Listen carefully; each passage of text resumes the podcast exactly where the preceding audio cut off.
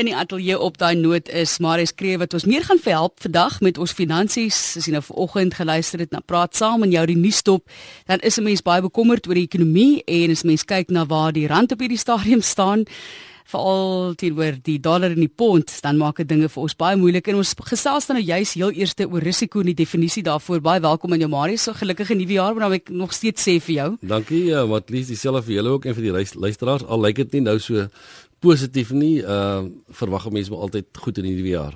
Kom ons definieer risiko en waar daai vlakke lê. Dit is alsof jy sê kom ons kyk na jou risikoprofiel, hoe aggressief of hoe gematig ja. wil jy belê? So vertel vir ons asseblief. Weet jy, ek dink uh, daar seker baie maniere om risiko te definieer. My eie definisie van risiko is maar eenvoudig. Dis die waarskynlikheid om waarde te verloor. Het sy of dit 'n item of kapitaal is. Met ander woorde, uh indien ek 'n stuk grond koop is daar risiko dat ek aan kapitaal verloor as ek te veel betaal. Indien ek 'n plaas koop en ek kry groot droogte, is daar risiko dat ek nie my oes kan maak nie. Uh ons lewe met risiko elke dag. Uh mense neem versekerings uit vir ingeval hy sy verdien vermoë verloor omdat hy dalk ongeskik kan raak of omdat hy miskien kan doodgaan en sy gesin het nie meer 'n voorsiener nie. So risiko is nie iets niets nie en ons lewe almal daarmee saam. Maar ek dink dit die laaste tyd en en an, iets anders wat ek wil noem is risiko's verander. Dit het vandag geen risiko het nie, het môre risiko. Om 'n voorbeeld te noem, ek koop 'n huis en uh my huis is 'n baie mooi vakansieplek en ek betaal 5 5 miljoen rand vir my huis en ek het 'n mooi see uitsig en dit is uh ek dink is 'n baie goeie belegging want eiendom se prys gaan baie op en daar is net soveel eiendom wat die see kan sien. Oor 3 jaar kom hier 'n plakkerskamp langs my ewe skielik is daar risiko. My belegging se waarde verminder. Dis risiko wat nie bestaan toe ek die eiendom gekoop het nie. En net so is dit ook met beleggings met kapitaal.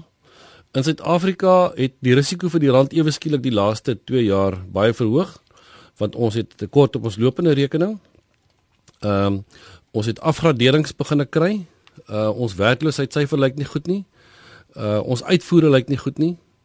Ehm um, ewe skielik kyk die wêreld na ons met ander oë en sê maar hierdie land lyk nie so goed so wat dit 'n paar jaar terug gelyk het en die die risiko begin hoër raak. Buitelanders hoor van slegte nuus in ons land en hulle begin ons effekte verkoop. Uh baie keer hoor praat mense van carry trade. Dit dit is waar mense in 'n ander land se geld eenheid geld leen teen 'n baie lae rentekoers of geen rentekoers byvoorbeeld soos Japan en hulle koop dan ons effekte in Suid-Afrika waar hulle 8.5 of 9% kan verdien. Nou in enige land waar jy 1.5% of 0.5% opbrengs kry en jy kan 8.5 op 'n ander plek kry, dan is dit nog 'n goeie 'n goeie belegging wat jy kan maak of 'n goeie ruil. Maar ewe skielik verswak die rand soveel meer as 8.5% met ander hierdie ou verloor eintlik nou geld. En dan verkoop daai buitelanders ons die effekte en hy verkoop dan rande. En dan is daar druk op die rand. En dis wat gebeur het nou die aand toe die rand ewe skielik na 17.99 uh, gespring het maar dadelik weer teruggekom het van die Japaneese het ons staatseffekte verkoop. Ehm um, as mense vertroue verloor in jou besigheid of in jou maatskappy of in jou land, dan kom hulle nie net terug nie. Hulle wil iets iets moet gebeur om hulle vertroue terug te wen. So daar's 'n klomp goed wat gebeur het die afgelope 2 jaar wat ons risiko verhoog het wat die wisselkoers betref. Ehm um, die hele kwessie van kommoditeitspryse wat nie opgaan nie, wat laag bly het risiko verhoog in ons myne. Myne maak minder wins. Uh party maak nie wins nie. Uh daar's werkloosheid syfer wat opgaan wat as gevolg van die myne wat mense moet aflê of of verkoop. So dit is risiko's wat nie bestaan het in 2007 toe die goudprys baie hoog was en platinum is baie hoog nie. Ehm uh, daar was eintlik nie risiko in daai myne om daai maatskappy te besit en ewe skielik ehm uh, het Anglo se prys wat 560 was geval na R55. 10% van die waarde. So risiko's verander heeltyd. En dis hoekom ek sê mense moet risiko's bestuur. Jy moet nie net aanvaar sekere goed het minder risiko as ander, byvoorbeeld uh kontant in die bank. En baie keer sal mense vir jou sê maar hulle die veiligste is om die geld onder die matras te sit. Ja. So mense mense kyk na risiko dalk as jy ponde gekoop het. Ja, maar mense kyk ook na risiko. Betras die beste. Uit die ja. hoek uit van uh, as ek nie kapitaal verloor nie, het ek nie risiko nie. Dis maar een gedeelte van die risiko. Die ander gedeelte van die risiko is as ek nie my doelwit opbrengs bereik word waarvoor die geld bedoel is of belegging gemaak is nie, dan dis 'n risiko wat ek dis 'n ander risiko. As ek 'n plaas koop en ek wil met skape boer om 'n lewe te maak, maar ek betaal te veel vir die plaas en daar's droogte en ek kan dit nie doen nie, kan ek nog die plaas verkoop? Maar my risiko is ek gaan nie my doelwit bereik. Ek gaan nie 'n lewe kan maak. Ek moet dan hierdie plaas verkoop. Ja. En dit is goed waaroor ek bietjie wil praat, uh Matelies en ek dink dit het verander die afgelope paar jaar. En dis hoekom dit so belangrik is om risiko te bestuur.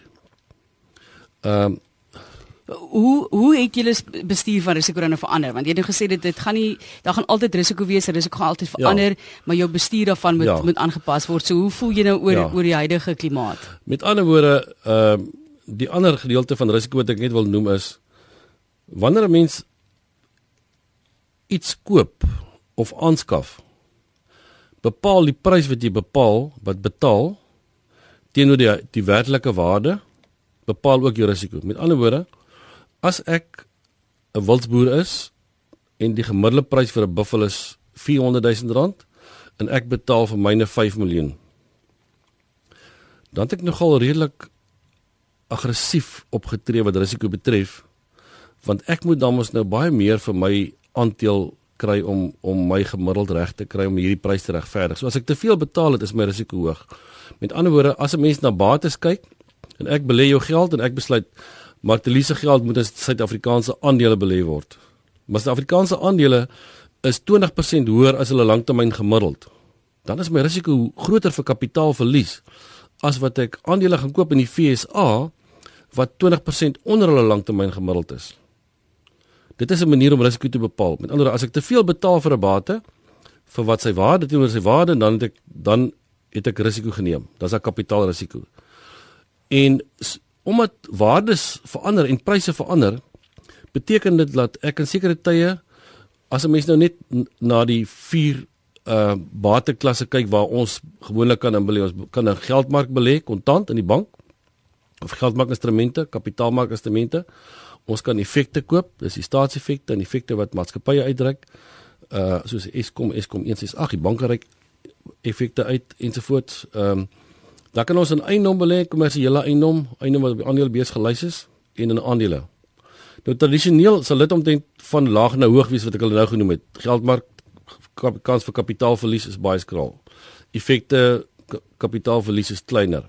Die potensiaal uh dan eiendom en dan aandele. Die afgelope jaar het mense baie minder geld gemaak of geld of hulle het meer geld verloor in effekte as in aandele. Uh geldmark sou byvoorbeeld vir jou so 6.5% opgelewer het waar inflasie plus minus 5 was. Ehm um, effekte sou vir jou minus 3.93 amper die tweede laagste risiko wat normaalweg die laag tweede laagste risiko is van die bateklasse het amper minus 4% gedoen. Eiendom wat se risiko hoër is as effekte is, het 2.4 gedoen en aandele het ag die algemene indeks het 1.86 gedoen. So amper amper 6% beter as wat effekte gedoen het. So ewe skielik kom jy agter hierdie jaar was jou risiko en effekte baie hoër as in aandele of in eiendom. Met ander woorde, effekte was te duur geweest om daarin te belê. Daar was baie meer risiko. En dis hoekom 'n mens risiko moet bestuur en jy kan nie net risiko definieer as hierdie bateklas het meer risiko en daai het minder risiko en daarom moet jy in hierdie belê. Ons het byvoorbeeld gesien dat 'n persoon wat net in 'n gebalanseerde fonds belê het in Suid-Afrika hierdie afgelope jaar 'n gebalanseerde fonds is tipiese fonds wat uit 65% plus minus aandele bestaan waarvan plus minus 40% plaaslike aandele is en miskien 22% buitelandse aandele is het daardie portefeuilles wat tradisioneel die meer veilige eh, portefeuilles was, hierdie jaar swakker gevaar as 'n portefeulje wat net in aandele is wat 50% in die buiteland het en 50% plaaslik.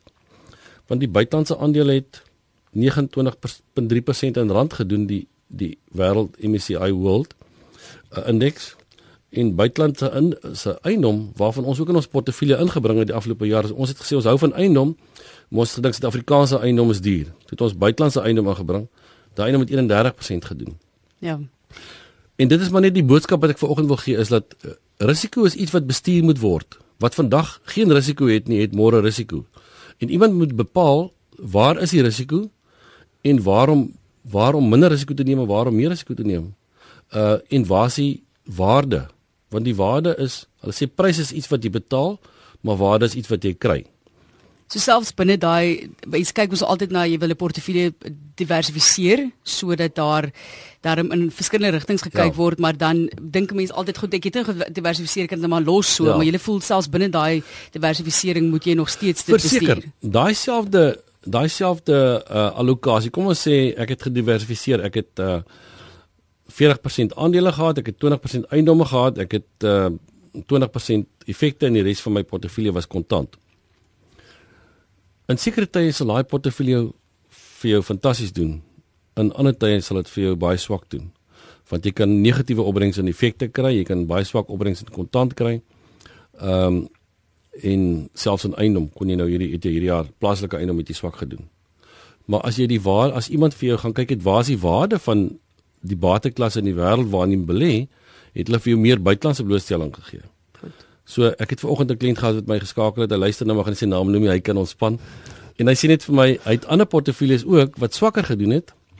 En ek het al vir sy rede kom hy swakker gedoen het, hulle het baie minder buitelandse blootstelling gehad. Want dis al waar jy regtig die afgelope jaar goeie geld kon gemaak het. En daarmee sê ek nie jy moet alles in die buiteland hê nie, want dan oortree jy ook weer reël. Maar as jy nie daai as iemand nie vir jou gehelp het om dit te identifiseer en sê maar die waarde was die afgelope paar jaar in die buiteland want jy het twee voordele gekry. Jy, jy het goedkoper waarde gekry van aandele, maar jy het ook die wisselkoersvoordeel gekry. Nou jy praat nou so van waarde in die aansluiting by waardasies. Ons praat nou van die hmm. eiendom maar wat ja. jy ook self nou uitgewys het en die impak wat risiko daarop ook het of dit op op ehm um, risiko het. Ons het nie regtig beheer oor daai waardasie nie. Uh, dit is 'n is 'n moeilike situasie om jouself in te bevind om dan ook risiko te bepaal. Ja. Daarom sê ek, kom ons gebruik die voorbeeld van die van die uh, vakansiehuis. So as ek dan nou 'n vakansiehuis gaan gaan koop, dan wil ek redelik seker maak wat se ontwikkelings kom daar langs my. Daar kom dalk nie 'n plakkeskamp nie, maar daar kom dalk 'n ontwikkeling van baie lae koste behuising. Wat 'n effek gaan hê op my prys vorentoe. So ek moet die risiko's kan identifiseer voor die tyd en ek moet daarvolgens belê. Uh en ek dink die fout wat ek sien wat mense maak, ehm uh, omdat ek baie portefeuilles sien van mense wat na my toe kom en sê maar hoe lyk my bestaande portefeulje of hoekom het ek swak gedoen? Is omdat mense dan die geskiedenis gekyk het of of 'n adviseur of miskien 'n portefeuljebestuurder en hulle het geld belê wat op daai stadium die afgelope jaar baie goed gedoen het. Ehm um, en die, dit is nie verander nie en daar's ook nie regtig taktiese skuwe gemaak ten opsigte van sekere bateklasse om te sê maar as rentekoerse gaan verhoog en ons verwag 'n rentekoersverhogings siklus dan weet ons in die FSA dit gaan die dollar sterker maak want die geld vlug terug FSA toe. Ons weet ook dat dit gaan sleg wees vir effekte, vir staatseffekte. En ons het mos nou geweet ons is in die laagste risiko of laagste rentekoers ehm um, siklus waar ons ooit gewees het vir 'n klomp jaar en dit moes verander op 'n stadium. So jou die logiese ding sou gewees om sê maak minder staatseffekte en as jy staatseffekte het, moet jy korttermyn staatseffekte want jou risiko kapitaal risiko is minder. Uh as jy dink die rand gaan verswak, dan moet jy meer buitelandse blootstelling gehad het. Uh as buitelandse aandele goedkoper is as plaaslik, dan moet jy eerder buitelandse aandele koop. So maar iemand moet tog daai navorsing gaan doen en analities daarna kyk en iemand moet kennis, genoeg kennis om na na die tafel toe kan kom en te sê maar ehm uh, hieso is die risiko, daar is die geleenthede en dan moet jy iemand jou kan help om daai geleenthede die geleenthede te, te gebruik. As jy dit nie gedoen het nie, het het jy die afgelope jaar en die afgelope 2 jaar eintlik nie 'n baie goeie opbrengs op jou portefeulje gehad nie. Smaris kreer wat so gesels PSG Consult waar uh, ons bietjie raad ook kry oor ons finansies. As ons kan kyk uh, voordat ons verder gesels na die impak van verhoogde rentekoerse, wat kan ons daar verwag? Ja, dit dit as rentekoerse verhoog is gewoonlik nie goed vir aandelebeurse nie. Rentekoersverhogings is nie goed vir staatseffekte en vir eiendom nie. So as jy in 'n in 'n siklus ingaan, dan moet jy na daai spesifieke bateklasse kyk want die kanse is daar vir kapitaalverlies. As rentekoerse in 'n siklus is wat van hoog af na laag toe gaan, dan het jy geen kans vir kapitaalverlies in in in effekte nie. Inteendeel, jy weet jy gaan kapitaalwins maak as jy in 'n rentekoers uh siklus is wat wat gaan daal. So, jy het tekens wat vir jou wat gewoonlik daarom vir jou wys waar sekere bateklasse ingaan. Jy weet wat jy gaan kry op kontant. So uh geldmark gaan vir jou 'n hoër koers gee uh en sekere kapitaalmark instrumente gaan vir jou 'n hoër koers gee. as rentekoerse verhoog. Uh so daar is aanwysers wat vir jou daarom 'n idee gee van wat om te verwag vorentoe. Want ons baie mense wat dalk ook nou dink hulle, jy weet dis 'n nuwe jaar, party mense se droom is maar nog om 'n huis te koop en jy het nou gesê dis een van die plekke waar die verhoogde rentekoers wel 'n invloed sal hê. So wat ek want ek weet die rentekoers het baie afgekom na die 2008 ja. ineenstorting en toe het 'n eh, kom ons sê verband van 10000 rand 'n maand bietjie afgekom tot by 6. Ja. So vir die, mense die groot, wat 'n ander rigting ja, beweeg. Die groot probleem is net uh, wanneer rentekoerse opgaan, is dit negatief vir huispryse want uh as jy na die bank toe gaan en jy 10000 rand te spandeer en daai 10000 rand kan vir jou in vandag se se rentekoers siklus kan vir jou 'n miljoen rand huis koop. Dan betaal jy vir die huis 'n miljoen want dit gaan nie eintlik oor die miljoen dit gaan oor wat jy kan bekostig jy kan 10000 rand spandeer. Ja. Nou gaan die rentekoerse op. Nou kan jy met daai selfde 10000 rand net 900000 spandeer. So wat gaan jy vir jou aanbied? Jy gaan hom net 900 aanbied vir sy huis. En wat het nou gebeur as jy nou reeds op daai 10000 rand 'n maand daai miljoen rand se huis gekoop het en ja. nou gaan die rentekoerse op. Daar's 'n baie groot risiko. Jy gaan nou 11000 rand betaal. Wat jy nie het nie. Wat jy nie het nie. Dit moes jy daarom ook voorsien het toe jy die dag huis gekoop het. Moenie jou so self rek dat jy maksimum wat jy kan bekostig op jou huis betaal nie want jy weet daar's 'n kans vir rentekoersverhogings.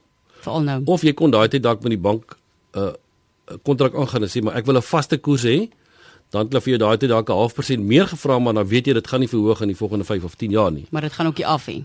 Dit gaan ook nie af nie. So as dit afkom dan sit jy ongelukkig in 'n hoër koers. Maar dit is hoekom 'n mens ook risiko moet bestuur ook daarso waar jy daai besluite moet maak want daar is daar is ook risiko. So ek dink dit uh Matlies al wat dit al wat dink wat ons oor praat is die omstandighede verander. Mense moet aanpas by die omstandighede. Uh risiko's verander met seker goed wat op die oomblik nie vir jou risiko het nie, het vorentoe vir jou groot risiko. Ek meen, daar was 'n tyd, ek dink weet in 1989 was ek in die FSA, ek dink ek het so R2.30 betaal vir 'n dollar. Ja, dis verskriklik. Ehm um, en daar was 'n tyd wat die rand sterker was as 'n dollar. Ja. Is dus 'n SMS wat deur gekom het. 'n um, Interessante program. Jou gas weet net om 'n ding te verduidelik sodat 'n leek dit ook kan verstaan. Dis dis hoekom ons die program ook doen. Maar as jy net vir ons kan sê, ek soek 'n bietjie insig dalk ook net in hoe jy daardie inligting versamel, die navorsing doen en dan vir mense regtig. Jy het nou gepraat van ingeligte besluite en mense wat regtig weet waarvan hulle praat. Ja. Dis nie ek kan nie gaan in die koerant gaan lees en afleidings noodwendig maak oor presies hoe ek moet belê nie. Nie almal van ons het daardie vaardighede nie. So, wat maak julle meestal van gebruik? Ja, weet jy, ehm um, dit is ongelukkig so dat jy nie as 'n individu genoeg kennis en vaardigheid het en tyd en navorsing kan doen en wêreldwyd mense besoek en fondsbestuurders besoek en konferensies bywoon nie. Dis ons het 'n span mense wat net vir ons navorsing doen. Uh ons het verskillende komitees binne in die maatskappy wat kyk na aandele plaaslik, aandele buiteland, na fondse plaaslik, fondse buiteland, wie is die beste fondsbestuurders? Uh ons woon Ek was laas jaar in Londen gewees en daarna het ek 'n konferensie bygewoon in Boston waar ons met 'n klomp fondsbestuurders in die FSA gepraat het, potensiële nuwe ouens ook bestaande ouens wat ons gebruik. Ons wil weet hoe dink hulle oor die FSA se ekonomie, waaraan belê hulle? Ehm um, ons kom terug met 'n klomp inligting. En die mense kry 'n idee van wat in die wêreld aan die gang is. As jy dit in die koerant moet optel, daar's nie 'n manier hoe jy hierdie goedes alles kan doen nie. Uh En daarom dink ek moet dit baie keer baie moeilik wees vir 'n individu om te sê maar ek gaan my geld self bestuur want ek gaan wyd lees en ek gaan besluite maak. En dit is baie moeilik om besluite te maak want ons is ook nie altyd reg nie. Uh dit wil ek sommer van die begin af sê. Ehm uh, ons maak foute, maar ek dink as ons 70% van die tyd reg is, dan dink ek is ons kan ons redelik suksesvol wees. Ehm um, So dit is die probleem met 'n individu. Die, die die persoon kan hoe opreg wees, dit kan hy kan hoe hard werk, daar is net nie 'n manier hoe 'n individu dit alles kan doen, maar daar is ook verskillende mense wat ons gebruik wat spesialiste is op verskillende velde. Ja. Die een ou is 'n spesialis op buitelandse banke. En hy kan navorsing doen oor buitelandse banke en vir ons kom sê, maar buitelandse banke is nou baie goedkoop en hierdie drie banke dink hy is die beste drie banke om in te belê in die FSA of in Europa wat ook al. Of hierdie ekonomie ehm uh, is besig om te ontplof of daar gebeur goed in Indië wat maak dat daai daai ekonomie dalk baie kommoditeite kan gebruik vorentoe. Ehm um, verstaan jy so dit is nie dis nie een man se werk nie. Ja. En dis hoekom dit 'n span benadering moet wees en dan moet baie baie baie kennis en baie vaardighede in wees uh en mense wat voltyds hierdie goed doen uh, want mense kan dit nie deeltyds doen nie. Kom ons net laasens as ons gesels oor pensionaars sê ek dink dit is 'n netelige onderwerp dink ek vir mense want daar is nie meer regtig geleentheid om vreeslik baie inkomste te genereer nie. Mense kan ook nie sommer meer lenings kry op daai stadium uh, van hulle lewe nie. So help ons net daarso as mens kyk na pensionaars en risiko. Ja, ek dink ek dink uh, pensionaars het ongelukkig in hierdie situasie van hulle kan nie terugsit en 'n swak jaar vir 1 of 2 jaar vat en uh, of 3 jaar soos 'n ou wat jonk is sê maar ek het tyd aan my kant nie. Hulle het nie hulle tyd aan die een kant want ek meen kom as jy hulle lewe nog 20 jaar as hulle afgetree het of 25 jaar, maar hulle moet vandag tot dag lewe. So hulle het verskillende behoeftes. Hulle het 'n inkomste behoefte. So hulle moet inkomste kry, hulle moet genoeg geld kry om van te lewe elke maand. Maar ons spreek daai behoefte op een manier aan. So ons het nie een oplossing vir almal nie, want ons dink een oplossing vir almal werk nie. Want die ou wat 'n langtermynsiening het wat redelike hoë risiko bates het, kan dit hanteer as die mark val want jy hoef nie daai goed te verkoop nie. Maar die oomblik as jy 'n inkomste kry as 'n pensionaris, dan moet jy jou maandelikse inkomste kry met inflasie om dit te kan maak. En aan die ander kant wil jy jou kapitaal beskerm teen inflasie. Want as jy jou kapitaal teen beskerm kan inflasie teen inflasie kan jy jou inkomste ook beskerm teen inflasie. En daarom is dit nog belangriker vir hulle om goeie risikobestuur toe te pas of te laat toepas. Want indien daai persoon 'n fout maak en hy sy opbrengs is vir 3 jaar, kom ons sê net 3% en hy trek 6%. Dan het hy 'n gedeelte van sy kapitaal opgebruik en dan gaan hy sukkel om dit weer want hy moet almekaar lewe. Volgende jaar het hy gewoonlik meer om te trek as hierdie jaar want hy het inflasie uit uit so iets soos inflasie. So dit is nog baie moeiliker of meer belangriker vir pensionaars om iemand te kry wat regtig sy kapitaal goed kan bestuur en, en veral sy risiko bestuur. Uh 'n mens moet so ver as moontlik moet jy verliese beperk.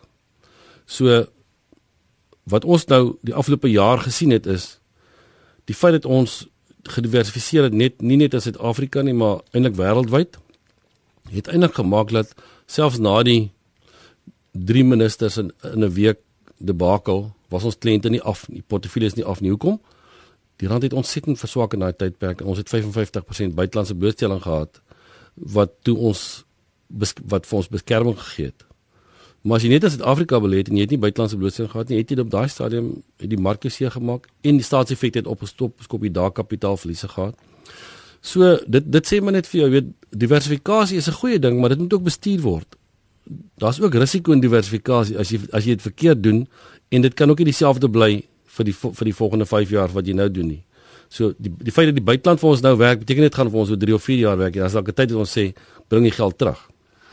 Marius Kreer wat ons gehelp het vandag om die konsep van risiko beter te verstaan en soos dit daar weer genoem het diversifikasie is nie noodwendig iets wat net op sy eie trant kan voortgaan nie ingeligte besluite om dit ook te bestuur. Laasens Marius, mense kan jou dan seker kontak vir hulp of navraag.